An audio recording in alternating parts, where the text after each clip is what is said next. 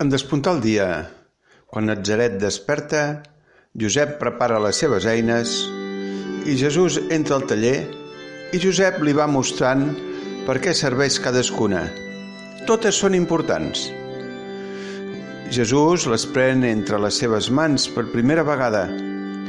La regla per mesurar, la mangra per marcar, el raspall per raspar, el compàs per fer cercles, la destral per donar forma a la fusta i tallar arbres, la serra feta de ganivets de fulla de pedra foguera, els claus, el martell, l'alena per foradar i el cisell per polir.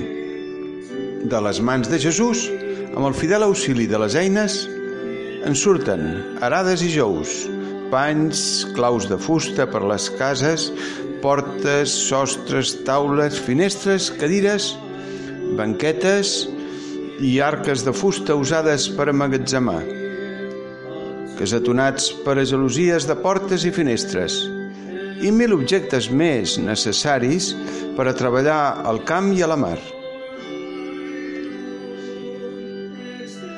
Jesús se sorprèn de la perícia del seu abbà.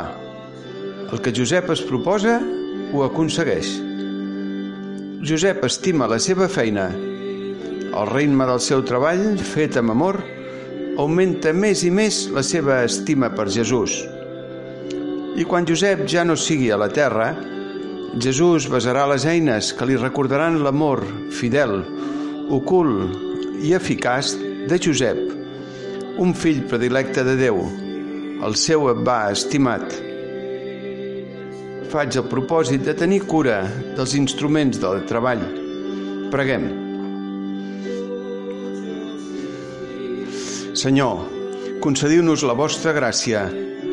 Obriu-nos les portes del taller de Natzaret, a fi que aprenguem a contemplar-vos a vos amb la vostra mare, Santa Maria, i amb el sant patriarca Josep, dedicats tots tres a una vida de treball sant, remourant les nostres pobres cors. Us cercarem i us trobarem en la feina quotidiana que vos desitgeu que convertim en obra de Déu, obra d'amor. Amén. Sant Josep Maria.